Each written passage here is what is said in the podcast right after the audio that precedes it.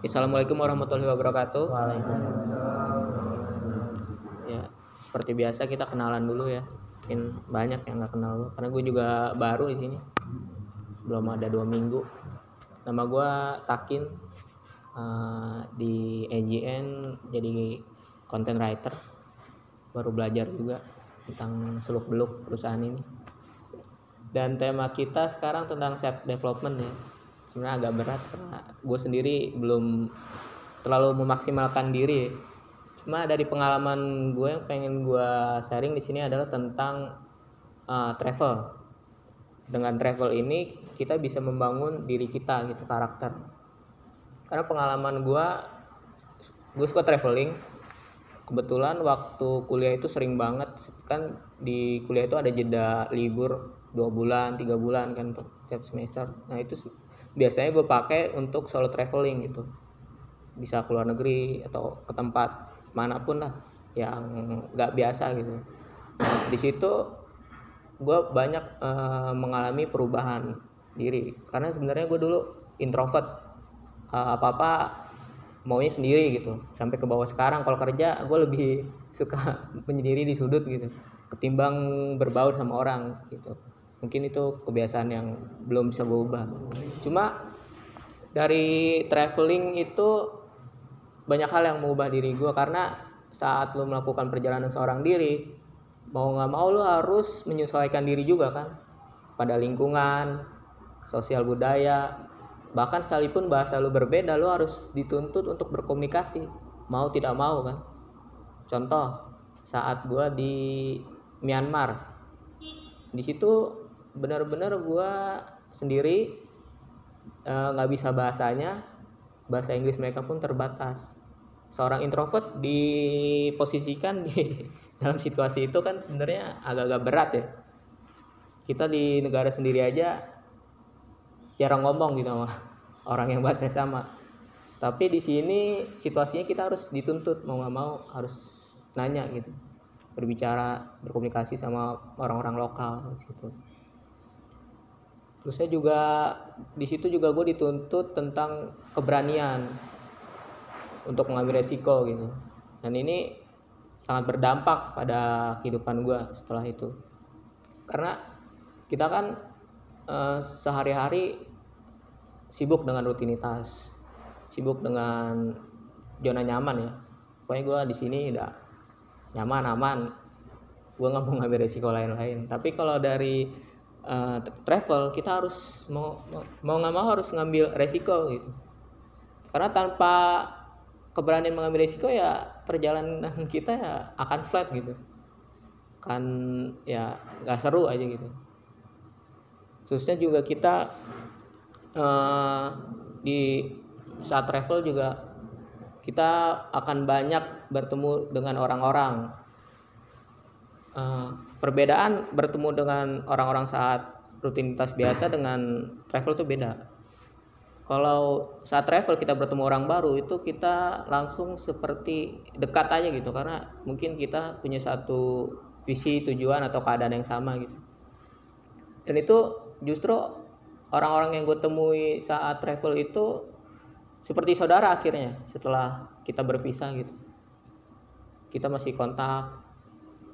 Dan juga akhirnya eh, pada suatu titik kita bisa menjalin kerjasama gitu. Gue waktu di Thailand kebetulan eh, setelah travel gue kan punya koneksi kampus-kampus Thailand gara-gara eh, adalah anak kampus dari Chulalongkorn itu komunikasi sama gue akhirnya eh, kebetulan juga di sini di Indonesia gue bikin kursus bahasa Thailand Nah, di situlah kita akhirnya berkolaborasi. Gue bisa kenal sama pengajar-pengajar gitu. Ya sangat membantu sih karena uh, dunia travel itu. Itu mungkin kebetulan ya hal yang nggak direncanakan, tapi dengan kita memberanikan diri keluar, kita pun dapat kesempatan yang sebenarnya nggak kita duga-duga gitu. Tuh. Itu aja sih mungkin sering. Mungkin ada yang bertanya gitu.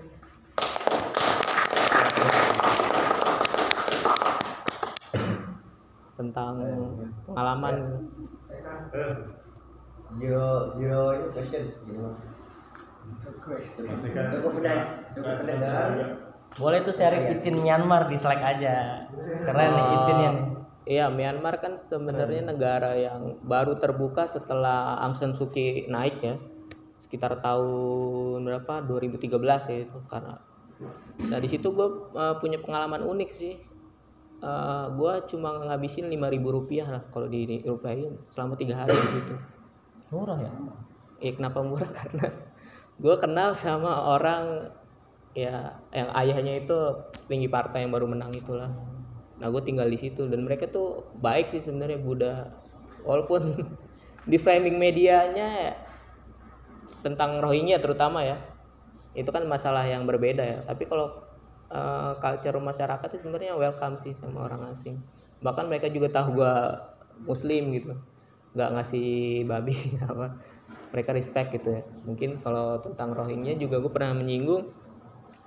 Mereka terlalu chauvinis aja sih mungkin terlalu nasionalis. Nggak mau dibilang apa bersalah tentang uh, kasus Rohingya Tapi tapi, membunuh orang salah dong itu. Karena itu uh, banyak hal ya konflik masalah apa sih karena Enggak, ini fokusnya membunuh orang salah dong. iya Gimana pun konflik gitu dan. uh-uh. karena waktu itu gue di Mandalay di mana di situ ada biksu wiratu yang terlalu apa sih radikal lah Kalau radikal. Uh-uh. tapi orang-orang Myanmar sebenarnya sih Secara umum enggak ya? secara umum welcome aja kepada muslim Uh-uh. Ini menyebutnya oknum gitu ya. Iya oknum.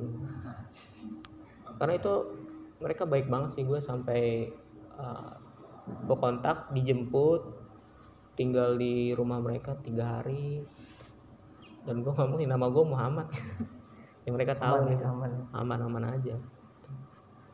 Yang menariknya lagi juga Myanmar itu ada daerah namanya Bagan. Di situ benar-benar uh, dijaga ya modernitas nggak ada di situ bahkan waktu gue di situ sinyal HP pun nggak ada internet apalagi. Ya tapi di situ menariknya karena situs UNESCO lu bayangin Candi Borobudur tapi satu kompleks satu kota itu semua masih terjaga di situ. Kita bisa sepedaan di situ. Benar-benar jauh dari hiruk pikuk modernitas aja itu menariknya di situ sih. Kita bisa ngelihat apa sunset.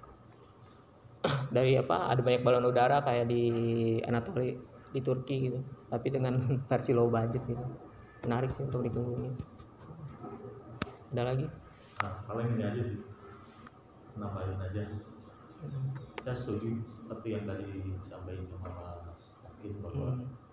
melalui traveling, terutama traveling ya kalau Iya. Mas Hakim bisa membantu kita untuk lebih meningkatkan development ya. Kalau zaman saya kuliah, dulu saya ikutnya Semakala. eh Nah, juga di situ ada sebutan namanya bahasa gampangnya sih psikologi alam bebas. Hmm. Jadi karena di kegiatan outdoor kegiatan alam bebas ini kita juga dituntut eh, untuk siap menghadapi hal-hal yang berisiko. Iya. Misal turun gua bukan hanya gua horizontal ya, gua Hmm. vertikal gitu. pakai SRT gitu. Kemudian naik gunung, manjat, atau jeram dan sebagainya itu menuntut eh, secara pribadi menuntut kita untuk mendobrak eh mental blocking misal kita yang tadinya introvert atau saya dulu mungkin ngomong di depan umum kayak gitu kayak gini tuh canggung. Eh mau nyampaikan pendapat aja saya harus jawab teman saya tolong sampaikan. Eh tapi karena ditempa ya ditempa di situ self developmentnya eh, alhamdulillah terbangun ya. Hmm. Kemudian sisi lain adalah manaj- manajemen perjalanan. Eh seperti hal yang dilakukan sama Mas Takin kalau di traveler pasti ada manajemen perjalanan di uh, di dalam juga ada. Iya. jadi bagaimana mengatur perjalanan misalnya naik gunung mau mas ada namanya leader terus uh, yang di tengah sama sweeper. Hmm. nah, ini harus koordinasinya harus bagus. Kalau misalnya nggak bagus bisa jadi ada yang hilang satu Iya. gitu ya di perjalanan naik gunung atau di perjalanan lainnya. Hmm. ya itu sih. Maksudnya relate banget. Kalau di Iya. ilmu psikologi itu ada ada ada tujuan. Ada lagi yang mau tanya atau sharing? Ya. Eh, mungkin ini pengalaman saya pribadi. Eh, sebagai anak 16 tahun gitu dari Hmm. yang di sini apa namanya ya mungkin self development yang saya dapat sekarang itu sama kayak Hmm. starting gitu kan Eh, dari saya di daerah Garut aja sering kesasar gitu tempat hmm, sekarang berani beraninya ke Depok gitu iya. Nah dari situ eh, mulai berani bertanya gitu. Biasanya kan kalau saya pergi-pergian gitu jarang tanya ke orang-orang sekitar. Hmm. Sekarang alhamdulillah nah apa berani menanyakan aja. Soalnya di daerah sendiri ada kesasar apalagi ini daerah orang kan. iya. Jadi gitu sih dari saya sangat membantu lah untuk untuk pergi-pergi jauh itu sendiri gitu. Harus ada keberanian dalam diri. Hmm. karena yang gue lihat umu- apa anak-anak seumuran lu sekarang tuh cenderungnya kalau ketemu orang yang belum kenal tuh nggak nyapa gitu Iya. kan kayak gitu lu juga gak nyapa di tole awal-awal lu juga gak nyapa gue emang kan belum Hah? ketemu emang ketemu lah nah kan itu, itu berarti lu ya, karena gue fokus mungkin yang Iya. lawan jenis Ya, lah mungkin dia juga fokus Iya. Iya. Kayak gitu. Nah itu se- sebenarnya menyulitkan untuk milenial seumuran lu untuk masuk ke dunia kerja kalau apa semuanya harus tanpa inisiatif gitu. Kalau lu nggak punya inisia- inisiatif buat nanya, buat apa ya akan menyulitkan gitu. Jadi ya mau nggak mau lu harus memaksa diri lu untuk berkomunikasi dengan orang sih. Itu. Jadi sebuah step yang bagus lah. Mas Teddy mungkin yang habis tackling telur angkasa Bekasi. Iya. Luar Masih Antar planet ya ini. Antar planet ya. wisata mall ya. MM. Getek. Ada yang mau nanya-nanya lagi nggak? lu tanya Ardel lu kan Ada. mencari lawan jenis tadi Iya. ya bisa ada akomodasi lah gitu. Ya akomodasi sih. Bercanda bercanda. ya. Ratu ya. Seno mati. Negara. Mas Iya. Mas Cukup ya. Ya atau nanti DM aja DM. Baseline, baseline. Oke, terima kasih ya.